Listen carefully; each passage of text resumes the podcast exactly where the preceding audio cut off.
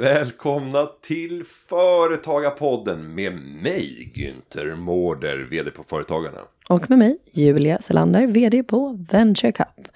Den här veckan så ska vi spekulera i det här med affärsplaner. Behövs de och vad ska man tänka på? Och vi kommer att prata om virtuell assistans. Du mobbar med virtual assistance. Sen ska vi också prata om det här med utdelning, eller hur? Ja, det ska vi. Det här eh, blir ett eh, avsnitt specialinspelat i eh, mitt minimala hotellrum här på Hotell Visby. Och vi säger varmt välkommen från Almedalen så här i efterhand. välkomna till Företagarpodden 2.0. Nu kör vi! Ja, nu befinner vi oss i Almedalen när vi spelar in det här även om den veckan är slut när ni hör det här. Julia, hur eh, sammanfattar du en bott och topp av denna vecka? Ja, nu är jag tillbaka här med min härliga whiskyröst igen. Ja, vi båda är lite härligt mjuka idag. Ja, det har varit mm. så, mycket, så mycket jobb den här veckan så då blir man så i rösten, visst är det så? Så är det. Mm. Eh, nej men det finns väldigt mycket saker att säga om Almedalen. Det är så mycket intryck nu. Det är sista dagen här för mig. Idag, eh, jätte, jättemycket bra möten, så inspirerad. Men alltså toppen, om vi kör en Almedalstoppen, det är ändå att jag till slut lyckades få biljetter till DJ Battle. Var där inne, eh, står bland hur mycket folk som helst med mitt kompisgäng som också är här, entreprenörer och influencers och allt vad de nu är för någonting. Eh, och så spelar de men, musikklassiker som YMCA och andra trötta låtar som ändå folk går igång på, men stora riktiga låtar. Och så mitt i allt så spelar, när Alliansen kör, då spelar de eh, de spelar Duffs låt, alltså en av mina bästa vänners låt. De dundrar ut hans egensläppta låt eh, och det blir extasstämning och det är ingen som fattar någonting. Och jag, ja, jag vet inte vad jag ska ta vägen, typ står och skriker jag och John och gråter för att jag är så himla pepp. Så det var magiskt, det sitter i mig. Och eh, kan man se några bilder på Instagram eller liknande? Alltså vi blev, vi blev tokiga. Så vi, tog inte, nej, men vi tog inte ens upp någon telefon för det var tre minuter av ren och skär lycka. Så det är nog ett, ett mått. Alltså vi, vi glömde till och med bort att filma. Men däremot så kan man ju lyssna på Duffs låt eh, Glitterpojkar på, på Spotify. Den är så himla mysig. Jag är så glad för hans skull. Um, så det var fantastiskt. Det var wow. fint. Ja, det känns stort. Han kommer bli något den här pojken. Men du, vad tycker du då? Almedalstoppen. Eh, nej, men eh, jag gillar intensiteten. Jag älskar när det är mycket att göra. Och eh, en sån här vecka så, ja det var 50 åtaganden. Jag tror att det kommer landa på väsentligt fler. För det har varit mycket spontana intervjuer. Eh, över 150 artiklar har jag medverkat i. Eh, utöver de 50 programpunkterna. Eh, och sen så lyckats ligga topp tre när det gäller eh, sociala medier, räckvidd och eh, engagemang hos följargruppen. Så att, eh, i all ödmjukhet så är jag lugn. Och jag ska berätta... Det är också roligt att säga, vad hade jag för toppen? Jag skryter om en vän, vad gör du? ja, det är bara resultatet som räknas. Mm. Ja, men jag, jag, älskar att kunna, i ett sånt här sammanhang där man får träffa så mycket av liksom, opinionsbildar Sverige, politiker, företagsledare, att kunna visa upp vilken kapacitet vi klarar av att leverera. Både från företagarna som organisation eh, men också från mig som person. Såklart. Eh, för det finns inget annat tillfälle där så många kommer att uppmärksamma eh, liksom omänskliga arbetsinsatser. Så det här är ett bra tillfälle. Men eh, jag kan exemplifiera det här lite grann. När man sitter och har gjort förberedelser och vet att man har med sig budskap som kan skjutas ut i sociala medier som kommer att eh, flyga med stor sannolikhet. Det är som att sitta med guld i skafferiet. Och sen så väntar man bara på att öppna det här skafferiet och skrika åt alla opinionsbildare. Varsågod och ta för er, sprid! Bara, så står du där bredvid, väldigt nöjd ja, och, och ler. Eh, nej, det gick eh, väldigt bra. Så att jag, men jag är lite bitter. Jag... Mm -hmm. Hade ju för avsikt att få det mest spridda inlägget. Jag har haft det de senaste åren här på plats. Eh, by the way, om ni undrar. Eh, och det vill jag även ha här i år. Mm. Eh, men jag har blivit slagen av Ranstorp. Eh, den här terrorexperten. Varför, som, varför går han om det? Nej, men han lyckades engagera hela, tror jag, SD Sverige. Eh, genom att eh, trycka in lite grann när det handlar om, om återvändare. Eh, av, från, från IS återvändare. Eh, det var något klumpigt uttalande på någon panel. Och där han tryckte till och bara bjöd hela SD-kollektivet på en, en stor buffé. Som de kunde smaska i sig av. Härligt, vi har skafferier, vi har bufféer. Ja. Ja. Så att, eh, nej men det är, det, det är nog eh, höjdpunkten. De har den där tillfällen när man bara sitter och väntar. När skafferidörren har öppnat och man bara sitter och väntar och ska se. När folk kommer, kommer dit och börjar nafsa. Men har det hänt någon gång att du, att du gläntar på skafferiet så att säga och sen så blir det ingen effekt? Nej absolut. Ja. Att det bara är damm liksom. Ja, men för att, Man tyckte, själv ser jag guld. Och, men marknaden, nej den kommer inte. Nej, för jag tänker det måste ju också hända. Ja, absolut.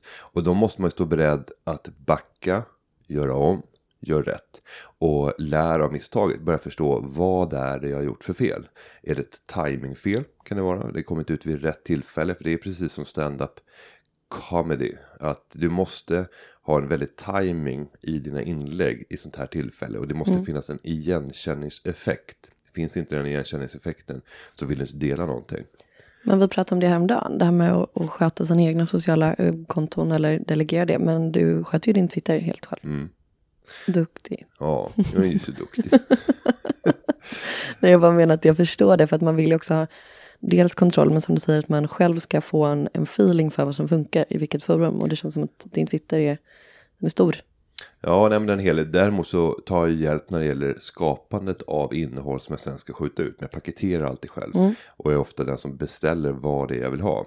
Eh, men däremellan så är det ju rätt mycket jobb att ta fram de här underlagen.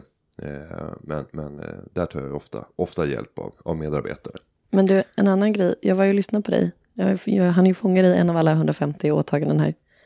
Eh, häromdagen nere i eh, tältet som Grant Thornton hade. Mhm. Mm, det. Kul att se dig i en action för att du var, Ja, där var jag nog i, i mitt esse tror jag. och det var så roligt för jag smsade med Amanda, din kära Ginten, under tiden för att jag skulle eh, fånga upp bilnycklarna sen. Det var faktiskt bara därför jag var där. Men nu fick jag ju se hela spektaklet, vilket jag är glad för. Och jag bara, gud vad fin han är, han står där uppe på scenen, gullis. Och hon skrev tillbaka, hon bara, ja, som han njuter. Och det gjorde det verkligen, det var så fint. Ja, när vi hade Mikael Damberg och eh, Lars Hjälmered som är Moderaternas eh, näringspolitiska talesman och sen så tre stycken eh, härliga entreprenörer på scen. Och det blev nästan så här rockkänsla och jubel och, och eh, rop när jury eller när panelen gick upp på scen. Och Alltså, så, om du fick skryta för att det var jag som drog igång det här, det förstår du? Ja, absolut, absolut. Och sen så vid något tillfälle stod jag och kramades med, med Damberg när han förklarade att han skulle initiera ett ännu mer intensivt regelförenklingsarbete. Vi pratade alltså om regler, byråkrati, myndighetsutövning, skatter och kompetensförsörjning. Kan ni höra hur torrt och tråkigt det låter, men vi hade jäkligt kul. Ja, det var så kul. Men, men sen jo- gjorde jag ett grepp där som ju gjorde att jag stod och fnissade själv. Eh, jag hade ungefär den här basstämman som jag har i, idag och spelade in eh, voices som inledningar till varje pass i panelen. Just det, det kände tre stycken. Ja, och eh, vi, vi eh, låt oss lyssna på en av dem som handlar om skatterna. Varsågoda. Skatter. Fler än fyra av fem nya jobb skapas i småföretag som leds av aktiva ägare med ett stort engagemang. Skattetrycket är inte bara stort, utformningen är dessutom svår och krånglig. Särskilt gäller det fåmansföretags regler och moms. Det gör att nästan alla småföretagare idag behöver anlita experter för att sköta sina och företagets skattefrågor. Vårt skattesystem härstammar från en tid före globalisering, digitalisering och strukturomvandling av näringslivet. Det behövs därför en översyn av skattesystemet som ger en internationell konkurrenskraft och incitament till företagande, arbete, utbildning och rörlighet. I Sverige är det tveksamt om det är tillräckligt lönsamt att ta de risker och det ansvar som det idag innebär att driva företag. Ja, som ni hör här så är ju syftet att det ska förefalla vara en ren informativ punkt som förklarar hur det ligger till. Men som ni anade så göms det en och annan åsikt i det här.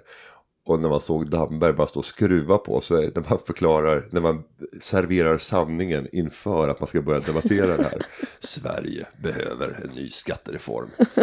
eh, Va, eller vad tycker du? Eh, ja. så bara, nu vet vi hur läget ser ut, nu ska vi diskutera vad kan vi göra annorlunda. Men också att det var så himla kontrast för att det var väldigt mycket energi på scenen och sen så kommer det här, jag vet inte, filmiska.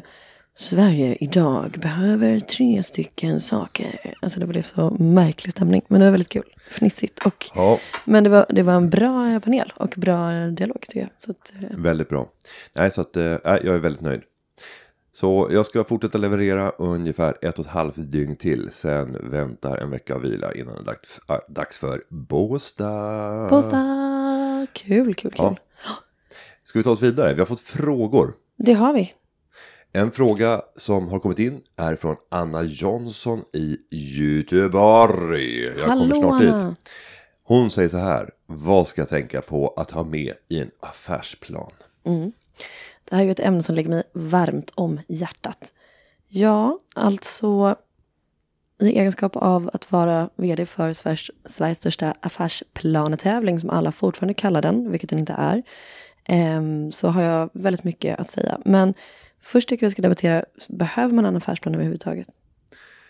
Man behöver, tycker jag, ett strukturerat tänk och verkligen en tydlig plan för hur det du ska göra ska kunna nå en kommersiell framgång. Sen kan en affärsplan inte, behöver kanske inte nödvändigtvis egentligen vara nedtecknad på ett papper. Men då måste du ha ett strukturerat mindset. Och det kommer oftast av erfarenheter. Så jag ska säga, någon som gör, är nybörjare har väldigt stor nytta av att strukturera upp och ha ett ramverk att förhålla sig till. Eh, någon som är väldigt erfaren, där sitter det där ryggmärgen. Så du kan omedelbart göra de här bedömningarna. Eh, och, och sätta upp den i, i huvudet. Vad är din erfarenhet?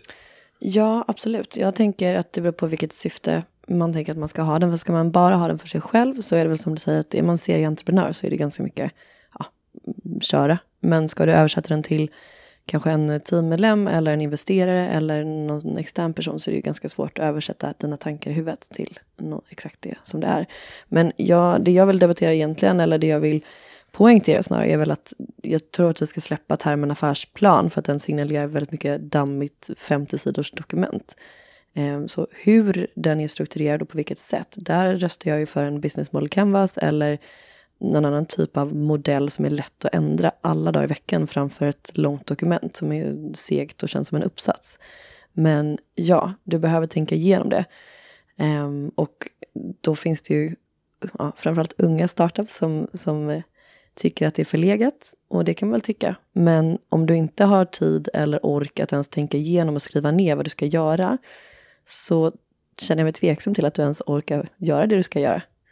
Ehm, Ja, det är nog en ganska klok reflektion. ja. Och, och, det, och ska man lägga till någonting så är det ju väldigt sällan som man klarar att göra, gå, gå från ingenting till att kunna bygga upp ett eh, varaktigt företag helt själv. Ofta så finns det någon typ av intressent runt omkring dig som behövs för att realisera den, den drömmen och det målet. Och, och ja, om du inte bara vill sitta och prata fram dig till exakt vad den ska göra.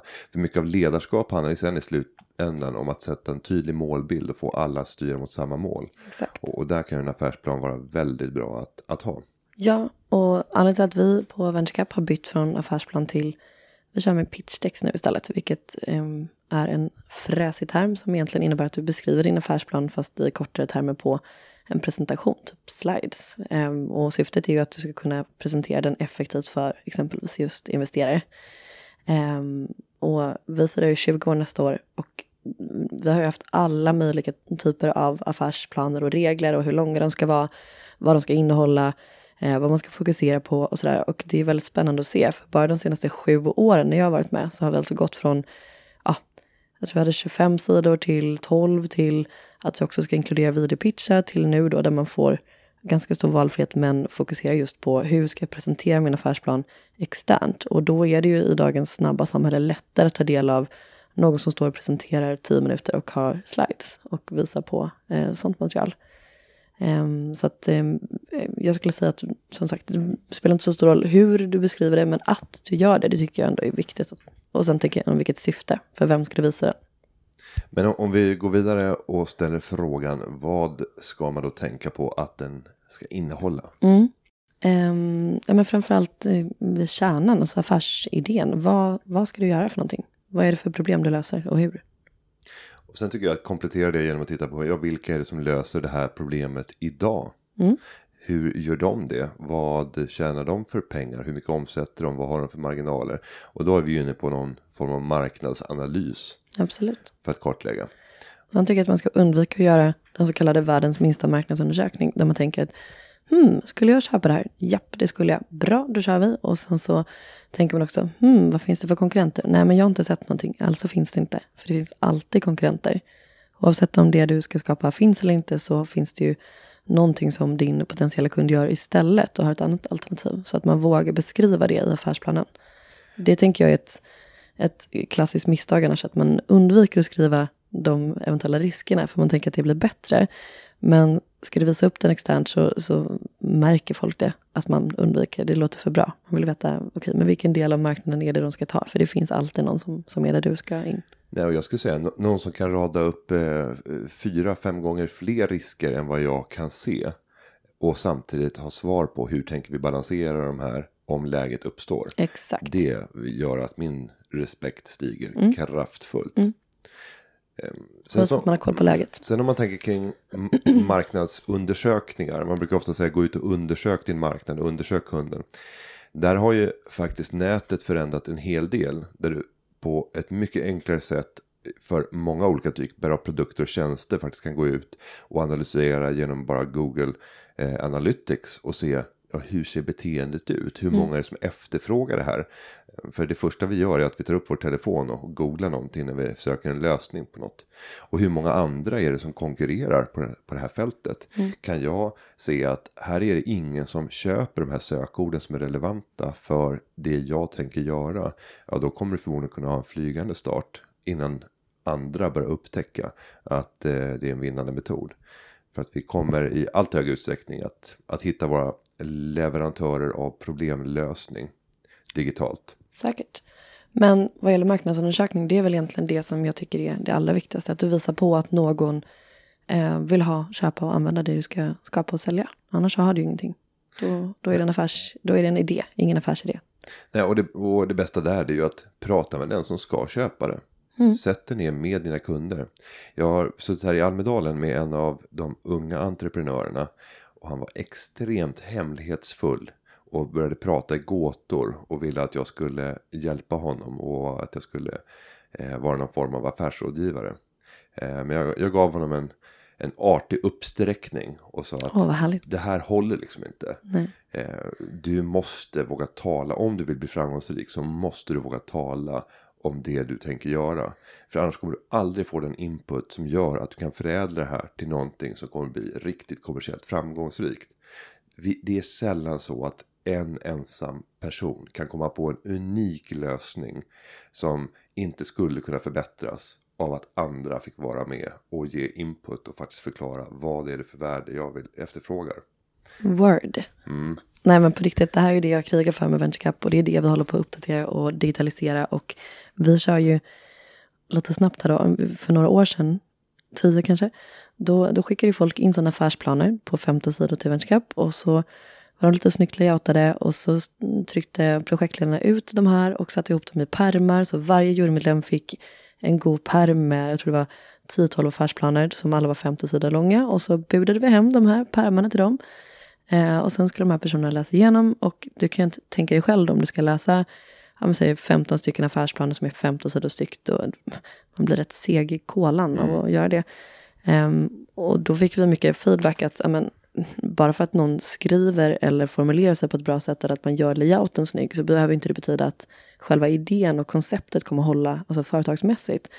Så från det, tusen olika itereringar, nu har vi ett digitalt community där man liksom kan slänga ut och berätta om sin idé.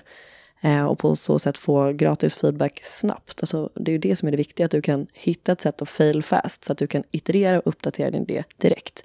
Men jag tänkte mig att startupvärlden verkligen var mogen för det här, men vi har fått ganska mycket, både ris och ros, jag skulle säga kanske 70% ros och resten är ganska aggressivt. Att så här, nej men man kan inte berätta om sin affärsidé, man kan inte avslöja och hur gör med sekretessen? Och självklart så eh, har vi löst det så man kan visa vilka delar som är öppet och stängt och sådär. Men precis som du säger, jag tror inte på att man eh, kommer lyckas om man håller saker och ting hemliga. Självklart om du har någonting som är väldigt mm, patentutsatt. Men du kan ju alltid pitcha in en del av vad det är du gör svårt att be dig inte vara, vara mentor om man liksom ska tala i, i tungor när man ska be om, om hjälp. Det blir väldigt, väldigt märkligt. Sen kommer vi till en annan aspekt i affärsplanen och det är faktiskt att göra den ekonomiska kalkylen. Absolut. Ehm, hur ser potentialen ut för en sån här produkt? Jag, jag är en stor vän av att kunna först visa upp hur ser marknaden ut i dagsläget för att kunna rita upp någon typ av marknadsvärde. Mm. Och att inte hålla på och överdriva den här. Hellre att du delar upp marknaden kanske i tre stycken ringar. Att du börjar i, in, i en stor eh, ring som täcker in en stor del av marknaden och i en väldigt vid mening. Och sen tajtar du till det. Du går ner och börjar definiera en delmängd av den här marknaden för att sen titta på den absoluta kärnan. Och där kommer du återfinna dina absolut närmsta konkurrenter. Mm. Så att man kan se ungefär. Många gånger så ser jag att man ligger i den här största zonen och redovisar liksom, den här marknaden är värd 150 miljarder på, på eh, världsbasis. Vi vill ta 0,1% av marknaden och ni ser själva. Och det är inte speciellt offensivt antagande. 0,1% är väldigt lite, det känner ni alla till. Det här är, det här är verkligen liksom. affärsplaner floskeltoppen, det är så härligt. Mm. Eh, nej, och när det gäller det ekonomiska, där kan jag ju utgå från, från mig själv. Vad är det jag vill se om jag skulle investera i ett bolag? Ja, men till att börja med så handlar det väldigt mycket om kassaflöde. Det handlar inte om att visa upp hur mycket försäljningen kommer att rusa. Det handlar också om hur mycket kapital kommer du binda under den här resan. För jag som investerare kommer då att vara tvungen att täcka upp. Någon måste komma in med de där pengarna när du binder väldigt mycket rörelsekapital. Mm. Och väldigt många företag gör ju av med väldigt mycket pengar innan det börjar skördas frukter och kassaflödena blir positiva. Så just att göra på månadsbasis beroende på vad det är för typ av företag. I vissa så är det säkert beroende av veckobasis om mm. det inte är så att man har en investerare som har en lösa tillgångar och bara kunna visa upp hur kommer vi att eh, arbeta för. För att eh, kunna bygga upp ett positivt kassaflöde. När kan det inträffa? Vilka åtgärder vidtar vi? Hur kan vi reglera det här själva? Ja, och där tänker jag också är en sån ytterligare grej. Det som jag brukar säga är att men, om du inte är någon, eh, något geni på eh, ekonomidelen, dels ta hjälp, för det är viktigt att det blir rätt från början. Men vad gäller affärsplanmässigt så skriv inte och fyll i massa snygga diagram om du inte vet vad du skriver. För det ser man också väldigt tydligt. Att man bara hittat på eller man inte förstår vilken typ av siffror man ska fylla i var. Så att eh, gör det så enkelt som möjligt så att du kan förklara hur du har tänkt. Annars så ser man det. Sen finns det ju tusen modeller på nätet att använda såklart. Men eh, absolut, hur du ska se till att eh, pengarna kommer in och ut på ett bra sätt i början är ju A och O i en affärsplan. Och ska vi inte säga som avslutande tips att gå ut på nätet, eh, googla dig fram till alla olika mallar som finns. Ja. Gör dig bekväm med, med de här. Eh, och framförallt när du har läst många då kommer du plötsligt ha byggt upp det här strukturella tänket och förstå vad är det jag ska leta efter, vad är det jag måste fundera över.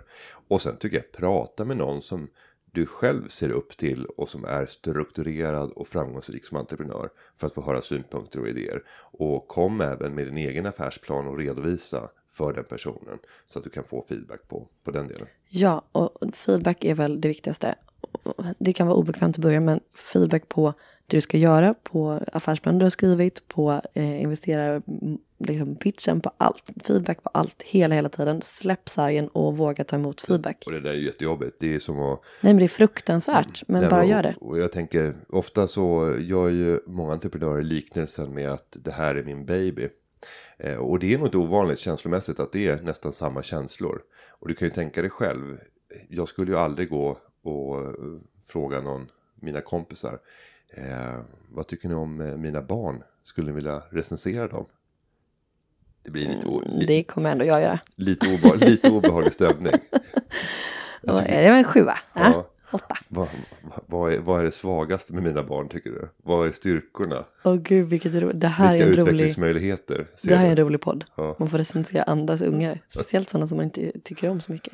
Nej. Men jag tänker också så här, okej, men om jag då som inte har några barn, ehm, om man då ska jämföra, nu försöker jag hitta på någonting här i huvudet, men att, att liksom slänga ut dem i hetluften utan att de är förberedda, det är väl en annan grej som man inte gör, utan man måste öva dem på saker. De kan inte gå från dag ett. Det är liksom ställa ut sitt barn på gatan och utan att man har lärt den att, att gå, det tar en process på flera år, vad vet jag. Eh, på samma sätt med affärsmodellen. Nej, det är det töntigaste jag har sagt i hela mitt liv. Ja, du, är så jävla dålig på liknelse. Du är så dålig på Men alltså det är så roligt. Du kan ju inte säga att jag är dålig på liknelse av Jo, så här- en liknelse jag hittar på Jo, men- på, på två sekunder. Extremt bakfull i Det är Almedalen. inte så många som ställer ut sitt barn på gatan. Bara, för de kan inte gå. Bara, nej men vadå, du ställer väl aldrig ut ditt barn på gatan? Varför ska du göra det överhuvudtaget? Även om de kan gå. Jag kommer ställa ut mina barn på gatan. Det är så Det är, det är riktigt dålig stil. Det är faktiskt Det är riktigt dålig stil. Okej, det jag ville kommunicera alla fall var att eh, det är skitjobbigt med feedback. Både privat och med ditt företag. Men samma sak där, om du inte kan ta emot feedback utan du tror att du ska ruva på en idé, släppa ut den och sen kommer allting bli jättebra, du kommer aldrig få ta skit. Då kanske du börjar göra någonting annat. Du kommer få så mycket skit för din idé, men du kommer också få så mycket eh, fina saker om det är en bra idé. Och om du bara får skit, lägg ner den då. Ja. Nej, men det är ungefär samma sak som eh, när du håller på att somna. Har du varit med om det? Vänta, ja. När du håller på att somna och sen, och sen rycker man bara till. Som när du ställer ut ditt barn på gatan. Eh, nej, men när man bara håller på att somna och sen så Ja. rycker man till. Jag tror att det är många som, som känner igen det. Absolut. Det är ungefär så. Eh, Okej. jag tycker det är ganska underbart. Man ska, man Vänta, vänta, du är så självgod just nu. Nu har du fått racka ner på min liknelse. Och sen har du tagit en egen som var ännu sämre. Ja, ja. Och sen så sitter du och Jo, men- myser. jo, var- ja, jag tycker det är ganska jo, så men det var, bra. det var ändå syftet. Nej, men jag tycker det är roligt. Man ska köra sånt i samband med möten där det råder liksom förvirrade tillstånd. Och man på något sätt vill komma framåt. eh, Och bara komma med ett statement. Så att alla bara okej, okej, vi förstår, nu går vi vidare. Ja. Och bara dra konstiga liknelser men där alla kan känna igen sig och bara, ja, jag, jag, jag, vet känslan. Du vet, när du kommer gående så, så får du bara plötsligt den känslan av att, att det här har jag upplevt förut. Har, har jag, visst har du haft den känslan? Ja, Och det är en sån grej som Ja. ingen kan säga nej till. ja, ja, så, ja, men precis så. Eh, precis så. Man bara, ja. Okej. ja men du vet, du vet, när man har ätit en glass och så bara blir det kallt liksom i huvudet. Ja, Ungefär så. Och så ilar det Ja, i tänderna. Du, du måste ha varit med om känslan. Precis så. Precis så. Jag undrar hur många sådana man kan få in i ett möte. Jag tycker att vi går vidare. Ja, jag vet inte ens var vi började någonstans. Men ställ ut era barn på gatan, det är allt jag har att säga idag tydligen. Ja. Eh, Men, när, eh, jag skulle först när de kan gå. Mm. In, inte, inte, inte dessförinnan. Men jag tänker så här, affärsplanen, kalla den himlajorden eller affärsplanen om du vill. Så att säga, det är bara att googla fram om du vill ha en, en kort beskrivning, vill du ha en NRBC-modell, vill du ha en business model canvas, vill du ha en affärsplan, vill du ha en lång, alltså vad som helst. Men hitta, det finns tusen varianter, hitta en som passar för dig och beskriv och få feedback på din affärsidé. Det känner jag. Bra. Bra. Tack. Varsågod. Och vi går vidare till nästa fråga. Och Mm. den här kommer från Sarina Alieva från Helsingborg. Ja, hon skriver så här. Får jag läsa? Nej. Nej. Nu läser jag. Mm. jag vill ta tillvara på den här rösten så, så mycket jag kan. Hej Företagarpodden! Under senaste åren har en ny trend utvecklats i USA som heter virtuell assistance. Att delegera sina administrativa uppgifter till en assistent på distans är inget nytt för amerikanska affärsmän och kvinnor. Man frigör sin tid genom att låta någon annan till exempel boka möten, sköta kalendern och bearbeta kunddatabasen på distans från, från sitt eget kontor. Skulle ni snälla kunna reflektera över konceptet virtuell assistans som håller på att utvecklas i Sverige och ser ni någon framtid för detta? Eh, Och, och nu ska inte jag vara Bror Duktig. Virtual assistant, ska du ge någon slags Ja, det var det. eh, uttal? Ja, men jag, jag läser ju som det står.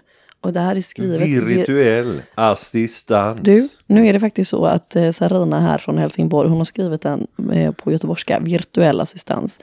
Ja, vill du eh, ge ett svar på frågan eller vill du fortsätta Svaret är käbbla? ja. Ja. Eh, nej men det kommer definitivt att växa och vi har redan nu sett, eh, om du tittar på alla de digitala produkter som du använder för att administrera din vardag. Eh, och för många människor så här Outlook. Bara Outlook som sådant är ju en produkt för att förenkla och skapa en typ av assistans med lite inbyggda funktioner. Och om vi tittar på alla de nya tjänster som kommer så bygger det ju på med ytterligare tjänster som går ett steg längre fram i processen. Och där kommer vi få se en framväxt av system som drar fördel av all den information som finns tillgänglig om oss människor på nätet. För att om jag tittar på vad jag inför, eh, om vi tar Almedalen så här. Eh, Inför varje panel som jag deltar i, varje möte jag har, så har ju min Günther tagit fram ett underlag. Där vi gör en bedömning av vad det är som kommer att komma upp på det här mötet eller den här panelen. Vilka personer som kommer delta. Vad är min relation i förhållande till de här. För att fundera över vilka skärningspunkter finns. Och sen så att det finns en bild på personen. Egentligen så är det mesta av det här ganska statiskt. Det här går att göra av en robot. Eh, en digital modell kan ta fram det här. Eh, så det är klart att allt som, som går att digitaliseras kommer att digitaliseras. Det tror jag också. Och, och så även med de här uppgifterna. Men det handlar väl så mycket om eh, så mycket annat i digitaliseringen och den processen och hur snabbt det går. Att det handlar inte så mycket om att det går, för tekniken finns där. Det handlar mer om hur vi använder den och hur mottagliga vi är. Och än så länge så känner man väl, eller de flesta av oss, en viss motvilja till att, eller till och med insikten att man, att man lämnar digitala fotspår överallt genom att man bara googlar allting hela tiden. Att man kan dra nytta av det och det känns fortfarande lite obehagligt att man liksom är en, en del av det här spelet. Och nu har inte vi gjort vår hemläxa genom att gå ut och söka på vad är de liksom fem populäraste virtual assistant-apparna i världen. Det hade kunnat bli jättebra content, förlåt. Eh, Men ni kan ju själva gå ut och bara söka så kommer ni säkert få fram mängder av artiklar. Jag fick en demad för mig. Eh, Och eh, det handlade framförallt om eh, mötesbokningar, inte bokningar utan själva mötesförberedelserna. Att kunna få ett underlag. Det den här appen gjorde var att titta på allt som finns tillgängligt på nätet och samköra. Om du och jag skulle ha ett möte så sa- samkör man oss för att se var har vi beröringspunkter. I vilka, vilka typer av ord förekommer på de platser där vi nämns på nätet. Och för mig så skulle man förmodligen se ord som entreprenörsskatten, företagarklimat. Eh, vi skulle kunna gå in på 3.12-regler, vinster i välfärden, flygskatt. Och skulle du ha varit engagerad i de här frågorna så skulle vi då se, har vi en match och sen tittar på värdeord och ser, ja, ni pratar om samma sak, har ni överensstämmande åsikter och sen kan du få en, en rekommendation på att det här är ett ämne där ni har eh, liknande åsikter och ni är starkt engagerade i det. Här har ni olika åsikter men är fortfarande starkt engagerade så den ska du nog undvika om syftet med mötet är att du ska sälja någonting eller eh, bygga en relation så är det inte där du ska börja. Sen kartlägger den också med alla personer som finns i sociala medier och det du har delat, delat ut. Och då kan det till exempel vara att man tittar hur många personer känner du och jag gemensamt i olika kanaler. Och sen undersöka hur mycket interagerar vi med de här. Om vi har 25 gemensamma vänner. Vilken är den vännen som du eh, är mest engagerad i? Eh, om vi tar en topplista och jämför. Vem ligger etta i, i en dubbelrelation mellan dig och mig? Så man kan börja namedroppa lite snyggt. Men det tycker jag är intressant för att eh, det kommer hända så mycket saker och eh, exempelvis då både för jobbmässiga skäl men också privata. Att du kommer kunna ha någon, eh, något system som i en liten snäcka där du träffar folk på mingel som sufflerar. Okej, men vem fan är den här personen nu igen? Jo, men det är den och vad är den? Och sådär. Det ser jag fram emot för att jag är ju både ansikts och namnblind så att jag tror att jag känner alla hela tiden och ibland gör jag inte det, men då lär man ju känna dem. Men eh, jag har ju en sån liten variant på min mail där de, de, vilka är de? Där det här programmet eh, berättar för mig, ah, okej, Maria likes eh, short emails with a lot of bla bla bla och jag brukar faktiskt använda de rekommendationerna, det flyger ganska bra. Så att, eh, Och, och hur mycket behövs för att det ska vara träffsäkert? Vad menar du? Hur, hur många mejl måste du ha mottagit? Um, hmm, bra fråga. Jag har inte uppskattat det. Men jag skulle säga att det här är framför allt personer som jag har mejlat kanske ah, i alla fall tio gånger. Mm. Det går säkert snabbare framöver. Nej, och, det, och det är klart att allt det här kommer att, att växa och det kommer vara en oändlig marknad. Mm. För att det är ju till för att du ska spara tid. Tid är eh, floskligt men det värdefullaste vi har. Eh, vi är alla lika inför tiden. Mm. Men det gör att varje sparad minut som man kan göra för en, en människa är en enorm affärspotential. Du kanske ska byta till sparad minut istället för sparad Ja, krona. men det... Jag menar, sparad krona handlar i slutändan också om att du kan spara tid. För när du har kronor, det är då du kan välja att disponera din tid på Mm. det sätt som du önskar. Direkt från Almedalen, fader Günther proklamerar. Ja, men så är det. Eh, Ja, men så, är det. Men vi kan väl ändå enas om att eh, ja, det kommer bli otroligt stort. Så har du någon snitsig tanke på hur man skulle kunna använda det, kör på. Det är ju i startgroparna. Ja, men får du den uppfattningen? Ser du någon framtid för? Är inte, ja, det kanske är så att hon letar efter affärsmöjligheter. Jag tänker att alla som lyssnar på företag Ja, ja, de ja, letar efter affärsmöjligheter. Mm. Nej, men eh, det är bara intressant att reflektera över. Men jag menar bara till alla er andra som inte har ställt frågan, men som ändå är en del av det. Så är det tips. Ja, och eh, gå ut och eh, googla och ta fram intressanta amerikanska förmodligen artiklar så får ni se vad det finns för kapacitet redan idag för att vi, eh, vi är för dåligt insatta för att kunna ge någon. Nej, det är, prata för dig själv. Men jag tänker bara också, ge oss gärna... Ja. Jag känner att jag är på hugget idag. Jag gillar det. Eh, jag menar bara att, eh, jo, att man får gärna tipsa oss. Så vi kan börja använda det. För vi gillar ju också tid. Vi Ja, vi, vi gillar att testa.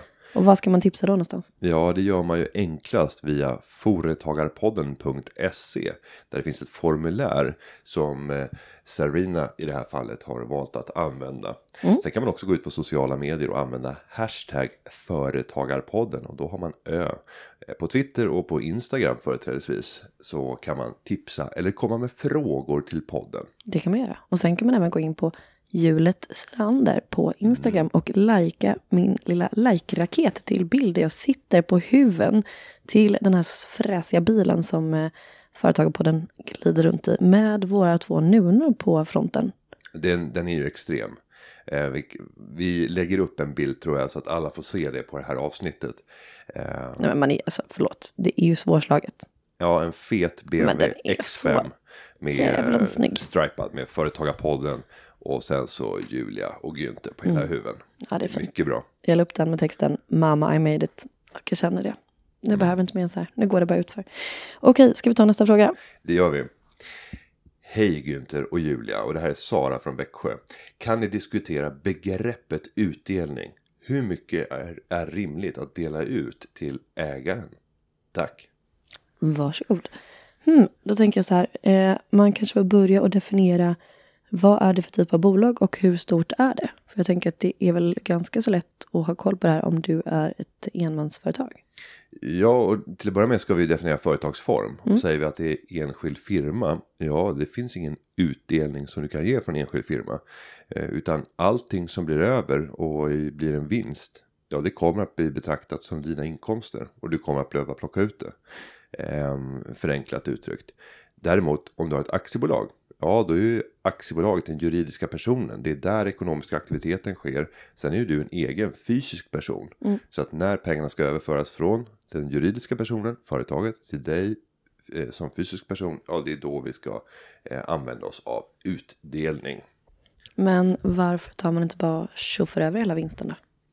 Ja, man kan ju resonera lite grann kring om man själv äger hela företaget. Om man då delar ut pengar. Ja, då kan man ju lika gärna bara stoppa in dem senare om de skulle behövas. Varför delar man inte ut hela vinsten varje år? Här kommer skatten. Ja, och det är ju naturligtvis inte skatteeffektivt. För att så fort du rör pengar från bolaget över till dig själv. Ja, det är då du utlöser skattekonsekvenser. Och i det här fallet så får du betala kapitalskatt på, på den utdelningen. Men det känns som att frågan är ställd på ett sånt sätt att det kanske inte bara är eh, en person i det här företaget utan flera andra. Ja, det, det borde det vara eh, vad gäller för ägarna. Och då kan vi bara beskriva vad det är som händer. Men om vi har ett företag som har genererat en vinst. Ja, då kanske det finns utrymme för en eh, utdelning. Men inte säkert. Det beror på hur bolaget har gått historiskt. Det kanske fanns ackumulerade underskott i det här företaget. Att det balanserade resultatet var negativt. Eh, och att man därmed bara kommer ta årets vinst och som man säger balansera en ny räkning. Man täcker upp för historiska förluster. Och sen får man titta på i det egna kapitalet som finns i företaget som är uppdelat i två delar. Bundet eget kapital och fritt eget kapital. Det är det fria egna kapitalet som du kan dela ut. Och ska vi ta ett enkelt exempel så kan du ta precis när du har startat ett företag så ska du stoppa in minst 50 000 kronor i aktiekapital. Då är det, och då är det bundet aktiekapital. Du kommer inte kunna dela ut de här pengarna för det är minimikravet för att kunna driva ett aktiebolag i Sverige. Så 50 000 är bundet. Om du däremot klarar att tjäna 50 000 under året på sista raden. Ja, då har du hypotetiskt en möjlighet att dela ut 50 000 kronor. För Då hade du plötsligt 100 000 i, i, i eget kapital. Varav 50 000 fritt, 50 000 bundet. Sen är det inte alls säkert att de där 50 000 kronorna finns på kontot. Låt oss säga att du behövde investera i någonting. Ehm, och du gjorde investeringar på, på eh, kanske 40 000. Men att den investeringen som du gjorde, ja det är en maskin eller det är teknisk utrustning som ska användas i företaget i fem års tid eller i tio års tid. Ja då kommer det bara belasta resultatet med antingen en femtedel eller en tiondel för just det året. Och då kommer resultatet se ganska fint ut. Men tittar man i kassan, ja du har ju betalat ut 40 000 för att köpa den här. Så det fanns bara 10 000 kvar av det ursprungliga aktiekapitalet. Exakt. Och så blev det en, en vinst då på 50 000. Så det finns kvar 60 000 i slutet av året. Så då, kan du klara, då klarar du inte att dela ut mer än 10 000 i det läget. Ja, men såklart. Men om man då har kommit fram till att det här, vi säger då 100 000 i det här bolaget, är faktiskt pengar som jag skulle kunna föra över till då eh, ägare eller mitt eget konto. Hur ska man tänka där? Måste man eh, måste väl dubbelkolla med, hur- med revisorn och sånt också? Ja, du, till att börja med ska man ju planera själv för hur mycket pengar kommer jag behöva i bolaget för att klara av den tillväxt som jag har planerat, för att klara av de kassaflödesdippar. Det är väldigt få som bedriver en verksamhet där det är väldigt jämna kassaflöden. Utan det brukar vara någon typ av säsongsmässiga variationer eller det kan vara långa avbrott. Eh, Normalt sett åker man iväg på någon semester. Det är inte som för anställda att jajamensan den 25 juli så kom lönen igen. Jag menar, gör du inget arbete så kan du inte skicka några fakturor. Eh, säljer man ingenting så kan man inte få några intäkter. Så, så att det kommer att vara variationer i kassaflödet och då måste du säkert täcka upp vissa lägen för dem. Men rent eh, formellt så är det styrelsen som ger förslag på utdelning. Så utifrån vad styrelsen gör för bedömning om kapitalbehov så gör man en bedömning och kanske säger att vi vill dela ut 50% av årets vinst. Så i det här fallet 50 000 då, för enkelhetens skull. Ja. Ja, och då kommer revisorn att gå in och titta på det här förslaget och sen så tittar de på bokslutet och gör en bedömning av är det här lämpligt? Och då gör även revisorn en bedömning fram till den dagen då personen sitter med eh, eh, bokslutet. Det kan ju vara 5-6 månader. Eh, jag menar, du har ett halvår på dig att skicka in ditt, ditt bokslut. Eh, Så det kan vara väldigt gammal information. Och då måste revisorn även göra en ögonblicks bild av hur ser nuläget ut. Det kanske har kommit en finanskris. Sen bokslutet gjordes. Orderingången är helt borta. Och därmed så kanske revisorn då inte eh, styrker den, den utdelningen. Sen är det årsstämman. Och de som är på årsstämman som fattar beslutet om utdelning. Och om man då har föreslagit en utdelning på 50 000. Så får inte utdel eller så får inte eh, ägarna komma och säga att Nej, men vi tycker 60 000. Utan Du kan bara sänka utdelningen. Det är den enda makten som, som årsstämman har. Och det här är ju ett exempel som är väldigt tydligt för ett noterat bolag. Där fungerar det precis formellt på det här sättet. Men för de allra flesta småbolag som ägs och kontrolleras av en person eller ett fåtal personer så tänker man inte ens på det här. Eh, menar, du, du, du har inte ens något styrelsemöte där man diskuterar just hur stor andel av vinsten ska delas ut. Du kanske har ett inre styrelsemöte i hjärnan. Ja, och sen så gör du ett, ett eh, och sen så när du kommer till, till revisorn, ja men revisorn kommer bara fråga hur mycket vill du dela ut eller ofta så är det nog snarare tvärtom. Revisorn kommer med en rekommendation och säger att ja men du har ett utrymme som ser ut på det här sättet. Utifrån 3.12-reglerna så tycker jag att du ska dela ut X kronor. Och därefter så bolagsstämman, det är ju ingenting som äger rum. Det är Nej, inte så att man arrangerar en årsstämma som bolag.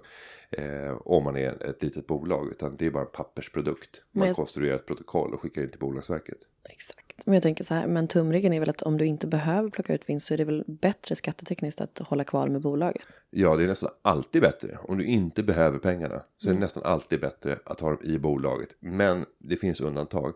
Och det är ju att om du har det i bolaget då bygger du upp risker att eh, de pengarna kan gå förlorade. Om du skulle råka ut för en stämning plötsligt. Du hade byggt upp ett kapital där på 5 miljoner i bolaget. Om du hade råkat ut för en stämning. Ja, då kan ju alla de där 5 miljonerna vara föremål för att betala skadestånd. Men om du däremot hade delat ut pengar och det fanns bara 200 000 kvar.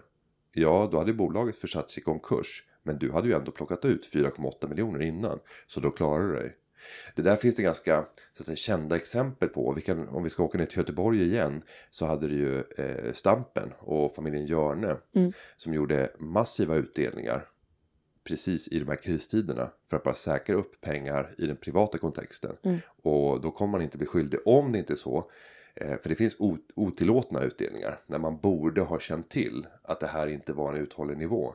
Den frågan kom upp i samband med HQ där man gjorde stora utdelningar som egentligen visade sig i efterhand att det där var inte lämpligt givet verksamhetens omfattning och risk och det borde ledning och styrelse ha känt till. Mm. Och där kan man debattera och diskutera och spekulera ifall han gjorde det eller inte. Och on- on-off hade du samma sak. Menar, On-off var ju en hemelektronikkedja som gick i konkurs. Men dessförinnan så lyckades ju ägarna plocka ut väldigt mycket utdelningar. Om de inte hade plockat ut de utdelningarna, ja då hade bolaget överlevt kanske ett eller två år till. Eh, och sen så hade alla de här ackumulerade vinsterna bara gått åt till att eh, ja, finansiera det underskott som man hade. Istället så blev det en konkurs lite tidigare. Så att du får tänka på vilka risker finns i ditt bolag för att du kommer att, att kunna råka ut för tillfällen där du kan förlora hela ditt kapital. Då tycker jag att det finns alla anledning att dela ut det. Sen kan man ju tänka lite annorlunda. Och det är att bygga upp en bolagsstruktur. Och där du har- ett holdingbolag ovanför. Och då utlöser du inte den skatten som annars hade kommit om, en, om ett bolag delar ut till en privatperson. Så äger du via ett holdingbolag då flyttar du egentligen bara upp det till, till nästa nivå. Och har ändå skyddat dig från, från eh, eh, rätt mycket av de negativa konsekvenser som kan, kan uppstå om det blir sådana stora oförutsedda kostnader i det här bolaget. Varför har inte alla ett holdingbolag då? Eh, Men det finns också skattemässiga nackdelar. Eh, Om vi tittar på 3.12-reglerna så handlar det väldigt mycket om att det är du som företagare, du själv ska äga och kontrollera bolaget och det beräknas på lönesumman som finns i det bolaget som du kontrollerar. Och när du börjar bygga upp en struktur med flera lager, ja då kan du förlora en, en hel del av de där fördelarna. Så att det kan bli en högre skatt totalt sett. Och vill man ha råd och rekommendationer, prata med din redovisningsekonom eller din, din revisor. Så kan de skissa och visa vad betyder det här i olika lägen. Eh, för det är många om och men i det här läget. Men det är så himla roligt. Till och med jag tycker att det här är kul för att Alltså är du egenföretagare så, så även om man inte gillar siffror, alltså du gillar ju pengar. Du vill att det ska gå bra. Det finns ju tips och tricks och man kan ju tolka saker på Ja, olika sätt. ja. Det är kul att ha den här kontrollen. Så nörda in det, tänker jag. Ja, absolut. Nej, men det är vettigt. Så att, eh, jag hoppas att eh, Sara från Växjö har fått ett hyggligt eh, bra svar på frågan. Mm. Annars får man ställa en följdfråga under hashtaggen Företagarpodden. Det tycker man ska göra ändå. Ja, Faktiskt. absolut. Ta ett, foto på dig, ta ett foto på dig själv och visa vad du lyssnar på Företagarpodden. Det tycker jag du ska göra. Och lägg ut. Lägg ut. Lägg ut. Är det Ja. någon som någonsin har lagt ut en bild på sig själv? Ja, du då såklart. Jo, men de har lagt ut bilder på sig själva när de lyssnar. Mm. Men det, det, det, är inte, det är inte så vanligt att de röjer ansiktet. Det kan ju vara typ så här foto på eh, när de går med barnvagnen eller liknande. Ja men absolut, det är bara att gå in på Företagarpodden. Men jag menar inte Företagarpoddens eminenta lyssnare. Jag tänkte mer generellt att det är ja, svårt att få folk att lägga upp bilder på sig själv i olika...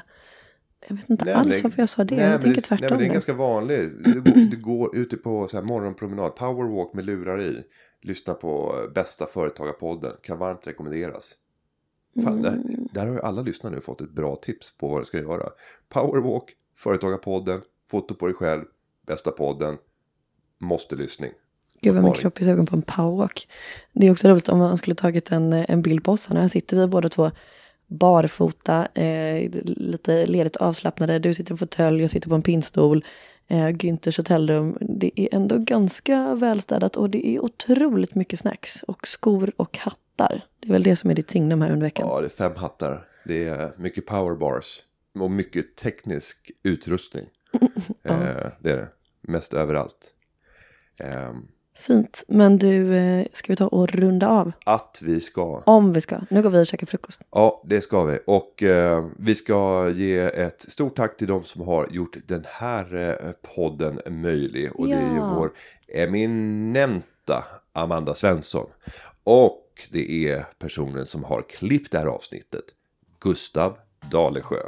Med det Julia. Love you guys. Så säger vi tack. Det gör vi. Vi hörs nästa vecka. Det Hela sommaren. Företagarpodden. Hej hej. Hej svejs. Företagarna. Ja, ja, ja, ja, ja, ja.